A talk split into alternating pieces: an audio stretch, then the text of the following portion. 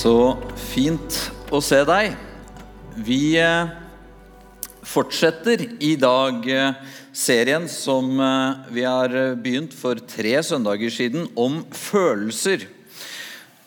Og jeg sa til han Ovidia før her at jeg føler meg, føler meg litt som sånn blind som skal lære om farger. Jeg har ikke tenkt at jeg liksom er ekspert på det temaet her, og vi prøver ikke å være psykologer, så jeg er glad for at eh, det vi får jobbe med, er eh, ut ifra Bibelen og teologien om det.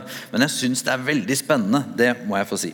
Vi begynte serien med å spørre nettopp om eh, hva Bibelen sier om følelser, og i hvilken grad vi skal følge dem. Forrige søndag så vi på hvordan vi skal håndtere følelsene våre. I dag så har vi kommet til det vi kaller kristne praksiser som hjelper i møte med følelsene våre ikke fordi vi tenker at det fins en kvikkfiks. Hvis du bare sier dette bibelverset her, så vil du aldri ha vondt i følelsene dine. eller noe sånt, Langt ifra. Men en viktig del av den tidlige kirken, nærmere bestemt det vi kaller ørkenfedrene. De var i det andre og tredje århundre i Egypt. De leste Bibelen sakte, og så kom de til at vår sjel har tre fiender, sa de, ut ifra hvordan de forsto Bibelen. Det er vår menneskelige svakhet, verden og djevelen. Og visdommen, sa ørkenfedrene, ligger i å kunne skjelne her. Vår egen svakhet, den kjenner vi jo. Vi vet, vi sier, tenker og gjør ting som ikke er bra for oss. Og vi trenger ikke å åndeliggjøre eller legge skylden på andre, for det vi mennesker er syndere som vi er. Vi har en annen kategori, og det er det som Bibelen ofte kaller det kan være et litt forvirrende ord, da, men verden, som er den til enhver tid rådende tankegangen vi uten å oppsøke den omringes av hver dag. Den behøver ikke være ond, eller noe sånt, men den kan skade sjelen eller følelsene våre. Vi skal komme til hva vi hører rundt oss når vi straks ser på de kristne praksisene. Og så finnes det i ytterste konsekvens den personifiserte ondskap som en kraft.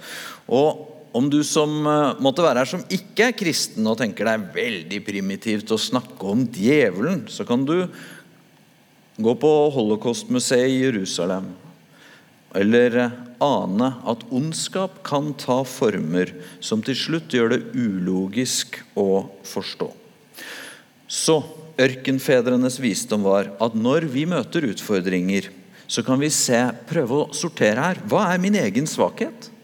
Eller hvis du føler deg dårlig fordi du ikke ser ut som Kardashian eller er rik, eller kan, så kan det være at du påvirkes av en underliggende fortelling som Bibelen kaller verden, eller når du møter noe ulogisk ondt, så er det kanskje nettopp ondskap. Uansett hvordan vi sorterer vår sjels fiender, så skal vi stoppe ved fem praksiser i dag fra Jesu eget liv og la oss utfordre av hvordan det kan se ut i livene våre. Disse fem er å leve saktere, å holde hviledagen, å leve i ekte fellesskap med hverandre, å leve i fellesskap med Jesus og hellig likegyldighet. Og I forberedelsene til dette så har jeg bl.a. sett til forfatter John Mark Comer, som har skrevet boken 'The Relentless Elimination of Hurry'. Han er en klok stemme om kristen spiritualitet. Men la oss begynne med første praksis å leve saktere. Vi så første søndag i serien på at den tyske sosiologen Hartmut Rosa skriver at vår tid er så veldig preget av akselerasjon, at alt går fortere og fortere. Informasjon kommer i større og større mengder, muligheter som vi føler vi burde gripe. At vi tenker at vi egentlig burde rekke å leve flere liv i et livsløp for å ikke gå glipp av noe. Og teknologisk så har vi nå muligheter til både å være i et møte på jobben, eller for den del på en gudstjeneste, mens vi er på butikken og på Facebook. Alt på én gang, faktisk. Hele den vestlige verden er bygget på premisset om vekst. Og økonomisk og teknologisk så har jo det funka. Vi har aldri vært så rike, og materielt har vi aldri hatt det så bra. Det var en kamerat som spurte meg om jeg ville vært steinrik på 1700-tallet eller helt vanlig i dag. Du tenkte over hva du ville valgt. Og jeg ville mye heller vært helt vanlig i dag.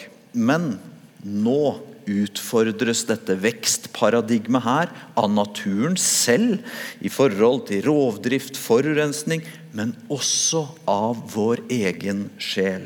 For selv om vi aldri har hatt det bedre, økonomisk, teknologisk, materielt, så har særlig mange unge det vanskeligere i følelsene enn før. Så i akselerasjonens tid så er det interessant å se at Jesus aldri hadde dårlig tid. Leser man evangeliene, de fire øyenvitneskildringene av Jesu liv, så vil man se at det meste vi vet om Jesus, det var ting som skjedde da han ble avbrutt i noe. Han lot seg avbryte. Derfor har forfatter C.S. Lewis sagt det vi kaller avbrytelser, er vårt virkelige liv. Det Gud sender oss dag etter dag. Så et litt eller veldig egentlig utfordrende spørsmål som vi kanskje ikke orker å tenke grundig over, kan være om den jeg er når jeg avbrytes, er den virkelige meg. Uff, jeg håper ikke det. For jeg kan være ganske sur når jeg blir avbrutt midt i noe. Men la oss se på en dag i Jesu liv. Han er i Kapernaum, den lille byen ved Genesaretsjøen, der Jesus bodde en periode. Og det står mens han talte til dem, han drev med noe, kom en forstander eh, og kastet seg ned for han og sa:" Datteren min er nettopp død men kom og legg hånden din på henne, så får hun leve. Jesus reiste seg og fulgte med han sammen med disiplene. Han drev jo og talte. Han var midt i noe, kan du si. Hvordan kunne han forstyrres og bli med? Ok, men det hastet, og de gikk målrettet mot mannens hjem. Men hva skjedde da? Nå var det en kvinne der som hadde hatt blødninger i tolv år. Hun nærmet seg Jesus bakfra og rørte ved dusken på kappefliken hans. For hun sa til seg selv, 'Om jeg bare får røre ved kappen hans, blir jeg frisk.' Jesus snudde seg, og da han fikk øye på henne, sa han, 'Vær frimodig, datter. Din tro har frelst deg.' Og kvinnen ble frisk i samme stund. Men Jesus, du var på vei et sted. Dere hadde dårlig tid, og da du kom fram, var datteren i huset død. Fløytespillerne hadde begynt sine triste sanger, og alle gråt høylytt. Og så skjedde en av de vakreste hendelsene i historien. Da Jesus kom til forstanderens hus og fikk se fløytespillerne og den støyende flokken, sa han, 'Gå ut, jenta er ikke død, hun sover.' De bare lo av han. Så snart folkemengden var sendt ut, gikk han inn og tok jenta i hånden og hun reiste seg opp. Ryktet om dette spredte seg over hele landsdelen der. Altså, for en dag! Begge disse to hendelsene her er nå fortalt i årtusener etterpå, og millioner av mennesker har kunnet hente håp av det som skjedde. Men begge deler, både hun dama som var utstøtt, vet vi av konteksten, fordi hun ikke kunne slutte å blø, og jenta som var fra en mer sånn sosialt ansett posisjon i familien, begge de hendelsene skjedde mens Jesus egentlig var opptatt med noe annet og lot seg forstyrre. Og så gikk han rolig nok til at han lot seg forstyrre, til og med på vei bort. Og sånn levde Jesus. Han levde saktere. Og ingen kan si han ikke fikk gjort noe for det.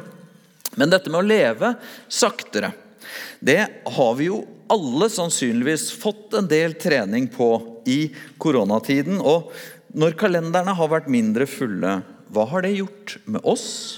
Og hva ved det er det vi kan og bør ta med oss videre? Jeg har som mange sittet på hjemmekontor.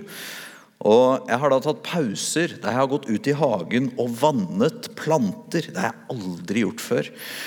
Og plutselig så har jeg jo da sett ting som jeg aldri har sett før. Så jeg har fulgt den der ene klatreplanten nå oppover hele espalier, og jeg tok meg å bli litt glad her nylig da den nådde helt opp. Jeg syns at jeg bare så vidt har begynt å oppdage dette. Men en praksis vi kan lære av Jesus, er å leve saktere. Praksis nummer to er å holde hviledagen.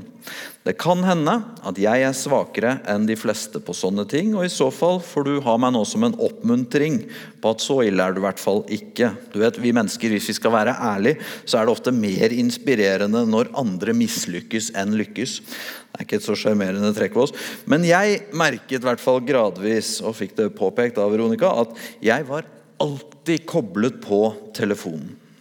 Og Jeg merket at jeg ble litt urolig om jeg ikke kunne vite hva som foregikk nært eller fjernt.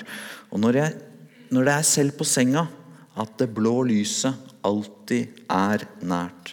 Den jødiske rabbien og terapeuten Edvin Friedmann han skrev før han døde i 1996 en beskrivelse av utfordringene med vår tid som har vist seg å være skremmende presise. Og Vi skal nevne tre av de utover her nå. Men den ene av de utfordringene han sa, det var at vi bygger en kultur for tiden basert på reaksjoner. Og tenk hvor sant dette har blitt. Særlig sosiale medier er bygd på at vi skal reagere på noe. Noen politikere baserer hele sin appell på å skape reaksjoner. Og mediene skriver saker som gjør oss sinte, opprørte, sjokkerte. Du vil ikke tro hva den sa eller gjorde. For i en kultur av reaksjoner så er det ikke om å gjøre å skape positive reaksjoner. Negative er akkurat like gode, for poenget er å skape engasjement. For engasjement skaper klikk, og klikk selger annonser eller kunder kunnskap om oss som igjen kan selges. Og jo mer, jo bedre. Så i en verden der det lille blå lyset følger noen av oss helt inn på soverommet, så trenger vi den urgamle kristne praksisen av å være på og å være av. En rytme. Jeg har lest mye interessant på telefonen opp igjennom, men jeg har bevisst prøvd og lese mer papirbøker på senga for å koble fra den konstante strømmen av å ville ha oss til å reagere. Og denne rytmen med på og av, den ser vi helt fra skapelsen. Gud selv hvilte en av dagene i skapelsen. Jødene har lange, rike tradisjoner for sin sabbatsfeiring fredag kveld til lørdag kveld. Kristne har fra den første kirken praktisert søndag, siden det var dagen Jesus sto opp igjen. Og En del som jobber i kirke, praktiserer mandag, og tro meg, det er dårligste, det dårligste alternativet. Ingen andre har fri. Men det aller viktigste er kanskje ikke hvilken ukedag, selv om jeg tror det er veldig sunt at vi som samfunn gjør det sammen. Men det viktigste er at rytmen er der. Og så er det ikke sånn at vi må ha en hviledag, en rytme av ting, bare fordi vi er så svake. Som i at hvis du er en skikkelig sterk person, så, så, trenger du ikke alltid dette her. Da kan du aldri være av. Nei, rytme mellom av og på er et tegn på sunnhet. Det står om Jesus selv, men selv trakk han seg ofte tilbake til øde steder og ba. Så for å håndtere følelsene våre, så vil kristne praksiser av leve saktere og holde hviledagen koble av, sånn at vi kan koble sunt på igjen, være til hjelp. Da kommer vi til den tredje praksisen. Ekte livsnære fellesskap. Det var en dårlig dag for han som så hadde den meldingsutvekslingen her. 'Jeg er her for deg' på engelsk. Eh, 'Takk, jeg går igjennom en tøff tid, så det betyr mye'.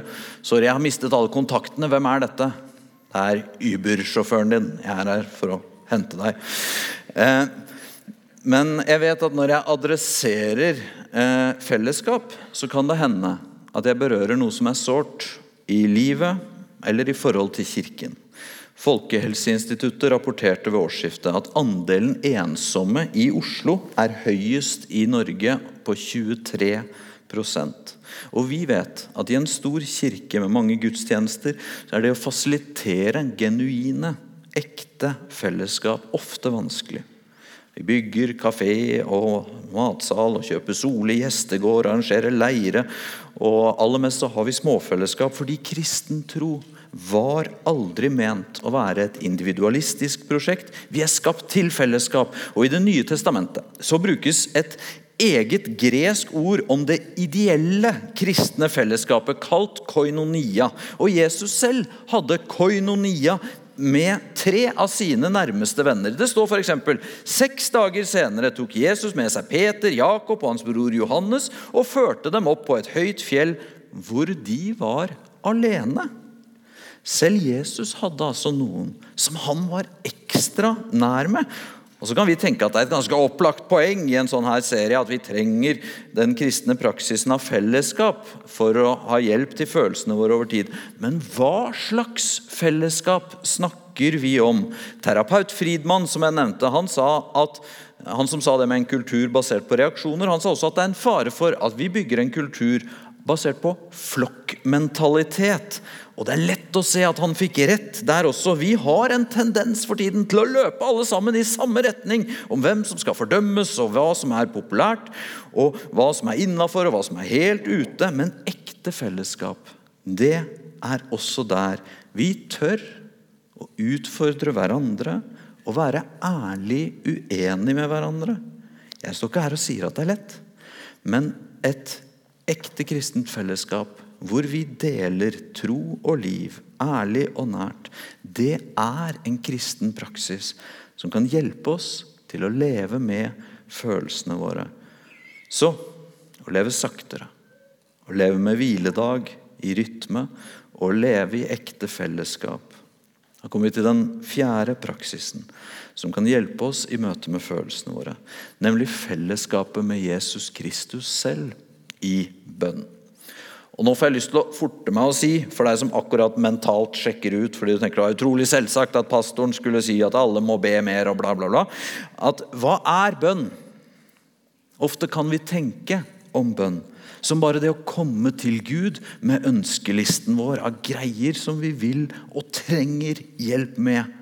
Men bønn er også mye mer enn det med forbehold om at favorittsteder i Bibelen kan flytte seg etter hvor vi er i livet og hva vi trenger, så er Jesu taler, som Johannes har skrevet ned fra kapittel 13 til 17, helt fantastiske. Og Jesus, Jesus vet her at det går mot slutten. Og så blir han mer intim og inderlig i språket. Han, beskriver en relasjon mellom seg og og oss som følger han, som er veldig mye rikere enn bare å komme med, med ønskelister. Han sier, 'Bli i meg, så blir jeg i dere'. Og Like etterpå fortsetter han, 'Som far har elsket meg, har jeg elsket dere'. Bli i, i min kjærlighet. Det er språk som kan åpne forskjellige rom i oss. Og det kan se veldig forskjellig ut. Derfor har jeg lyst til å si nå som kirke, og kanskje er det litt utfordrende for deg, det jeg skal si nå, men at vi som kirke vi tenker om bønn i to språk som vi mener utfyller hverandre veldig godt. Det er selvfølgelig forenklinger når man sier to. Men tradisjonelt så har nok kirker flest valgt det ene fremfor det andre av disse to språkene her. Vår mangeårige leder, bønneleder eh, her i kirken, Anneli Andersson, hun har kalt dette her for det faste og det frie. Og Det kalles ellers for det kontemplative og det karismatiske. Og Det er rett og slett litt ulike måter å be på. Hvis vi ser på det karismatiske bønnespråket først, så er det det språket som denne kirkens tradisjon har vært tettest på. Det handler om troen på at Gud er et levende nærvær her og nå. At vi kan alle erfare at Gud er i livene våre. Og akkurat der vi er nå. Vi kan be bønner som vi ba før gudstjenesten begynte her. Kom, Hellig Ånd. Og det bønnespråket det kjennetegnes ofte ved at det er kollektivt. Vi gjør det sammen, vi lovsynger sammen. Det berører ofte følelsene våre. Vi sier sånne ting som at vi kjenner at Gud er her. Og Det er ofte spontant. Og, og målet er en lidenskap, en brann, en glød for troen. Det kontemplative faste det er en kristen tradisjon som vi i noen rom i kirken her har hatt stor glede av å legge til. Derfor så ber vi ofte tidebønner, som egentlig bare er at vi samles og leser salmer sammen fra Bibelen. Sånn var det Jesus sannsynligvis ba da han var i synagogen. Og klosterbevegelsene i hele verden har gjennom århundrene bedt sånn. Man kan argumentere med at den tradisjonen til en viss grad oppleves litt mer individualistisk. Det er praksiser vi kan leve i sammen, men du kan også gjøre det alene. Den er i sin natur veldig sånn fast, Faste bønner, faste tider. Den kan oppfattes mer intellektuell, og dens mål er nok mer å søke fred inni seg enn nødvendigvis lidenskap og brann. Og så er det sånn Begge disse bønnespråkene her, de søker Guds nærvær i våre liv. Søker mer enn å komme til Gud med en ønskeliste. Så er det å finne ut hva vil det si å være i Jesus. Og språkene utfyller hverandre. Det er bra å kunne ha en struktur som gjør at ikke alt er på innfallsmetoden. Og det er bra at troen blir levende og viktig for oss, som den ofte blir i det karismatiske. Vi kan si at det kontemplative, det faste, det kan gi kjøl. Og det karismatiske, det kan være som seil på en, en båt. Og kanskje har det vært litt sånn at de som er mest glad i det karismatiske frie, har vært litt skeptiske til det kontemplative og faste. For Det høres ut som noe stivt og religiøst. Og motsatt. At de som har vært dratt mer mot det kontemplative fastelivet, har sett på det karismatiske som litt sånn svermerisk. Og så har noen sår fra én setting som har gjort de vondt, og så blir man skeptiske overfor ting som ligner på det. Men her tenker jeg at vi som kirke vi har ulike personligheter som trekker litt i ulike retninger, men vi har godt av og til en viss grad leve i begge disse språkene. De fleste av oss kan ha hjelp av strukturer når vi ber, sånn at ikke det bare svinger med følelsene. Og vi kan ha godt av å erfare Guds levende nærvær, også gjennom sånne øyeblikk av storhet og skjønnhet som vi kan få gjennom karismatiske praksiser. Så i en kultur av akselerasjon, av reaksjoner og flokkmentalitet, så kan bønnen, forstått som fellesskapet med Jesus Kristus, hjelpe oss. Også i møte med våre egne følelser. Og Da kommer vi til den siste praksisen, som vi kan kalle hellig likegyldighet og Det er kanskje et rart ord. Den australske forfatteren Bronnie Weir dokumenterte hva pasienter ved palliativ omsorg i Australia, altså de som ventet på å dø, hva de angret mest på ved dødsleiet. Og Det som kom helt øverst på listen av ting der, det, som, det var at folk skulle ønske at de hadde klart i livet å ikke være så styrt av andres forventninger til dem. Ørkenfedrene, som vi nevnte i stad, det var de som identifiserte sjelens tre fiender, hvor menneskelig svakhet, verden og djevelen. De dro ut i ørkenen i Egypt, derav navnet, omtrent akkurat på den tiden da kirken gikk fra å være forfulgt til å bli den mektige, dominerende i det romerske imperiet. Og det ørkenfedrene lette etter, det var hva vil det si nå å følge Jesus? Fordi så Kirken var ikke lenger forfulgt, så nå kom det så masse greier i et liv som tok så mye plass. Ambisjonene våre om suksess og penger, makt og ære, andres forventninger til oss, begjæret etter alt mulig. Hvordan kan vi bli frie som mennesker? spurte de. Og så ble det en bevegelse der folk solgte alt de eide, og gikk ut i ørkenen og de mente at de fant noe der. Senere skulle presten Ignatius beskrive det som følger. Vi skal ikke rette vårt begjær mot helse eller sykdom, rikdom eller fattigdom, suksess eller fiasko, langt eller kort liv.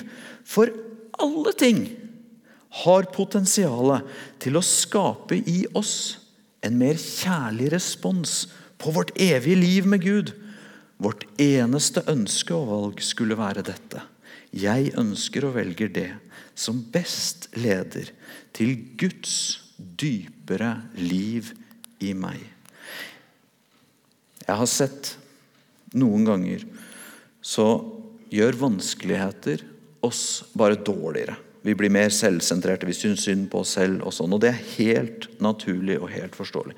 Men jeg har også sett i noen mennesker at gjennom vanskeligheter så har de blitt foredlet og fått et dypere liv med Gud. Men det er ikke sånn her verden, altså kulturen rundt oss, vil ha oss til å tenke. Friedmann som vi har nevnt, han sa også at vi skaper en kultur av quick fix.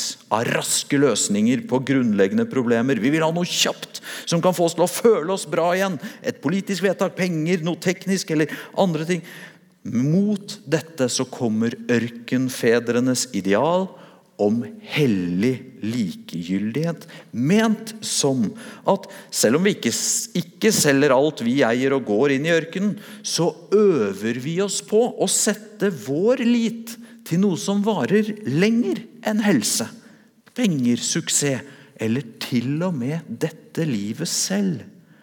For det er ikke egentlig om vi er syke eller friske, rike eller fattige, som definerer hvordan det går med oss.